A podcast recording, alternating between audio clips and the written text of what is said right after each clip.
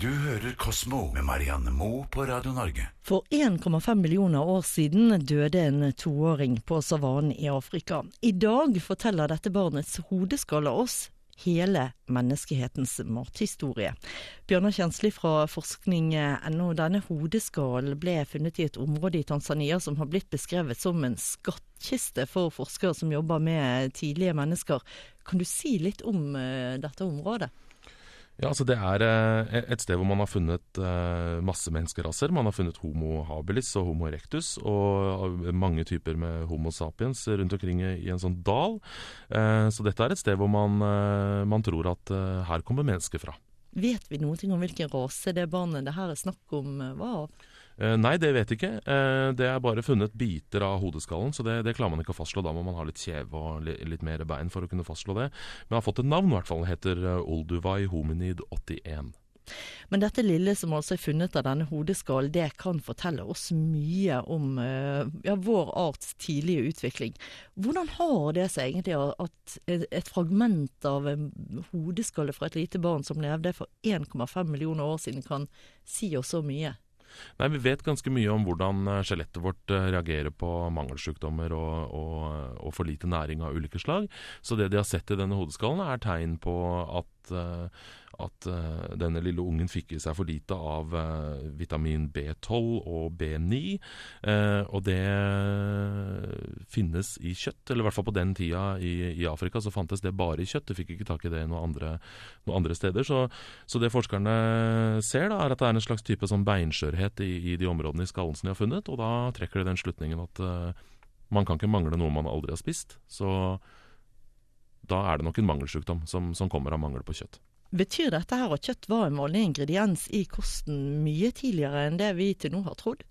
Det kan ha vært det, men dette her er ganske vanskelig. For man har også funnet tegn på at mennesker har spist kjøtt mye tidligere enn dette her, altså for to millioner år siden. Eh, det er funnet tegn på at man har skåret opp kjøtt for nesten tre og en halv millioner år siden.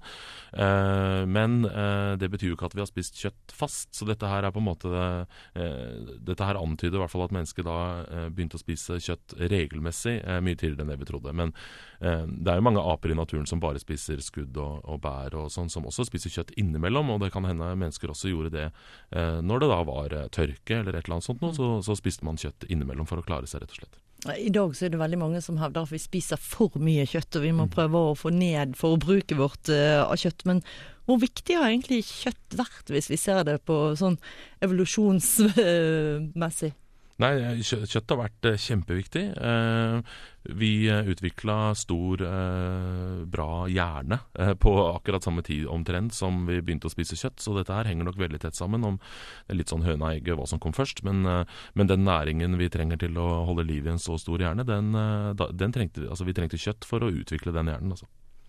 Du sier at det var mye som skjedde på å si med mennesket sin utvikling generelt for 1,5 eh, millioner år siden, men også for et barn i toårsalderen så er det ganske mye som, eh, som skjer. Det er en ja. kritisk periode. Ja, og, og, på den tida her eh, så var jo det også den perioden hvor man eh, avvente ungen fra amming.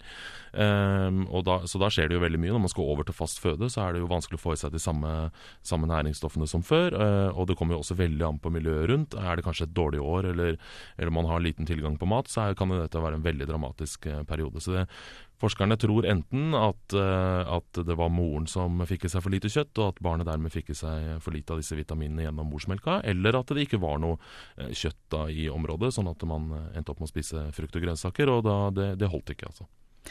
Det kreves også mye næring hvis vi skal utvikle en større hjerne, men kjøttmangel er det den eneste grunnen til at man kan bli anemisk, som de mente dette lille barnet hadde vært? Nei, og i det tidsskriftet hvor den studien her er publisert, så er det en lengre kommentar fra en veldig skeptisk eh, eh, antropolog som hevder at eh, dette her kan også skyldes andre ting. Altså det kan skyldes parasittinfeksjoner, eh, genetiske faktorer, infeksjoner eller, eh, eller en altfor lang avvenningstid fra amming. Så det, man kan også utvikle sånn anemi da, eh, av det. Så det er ikke helt sikkert, men det tyder i hvert fall på at, at vi, vi, kan ha begynt å spise kjøtt tidligere enn før. da.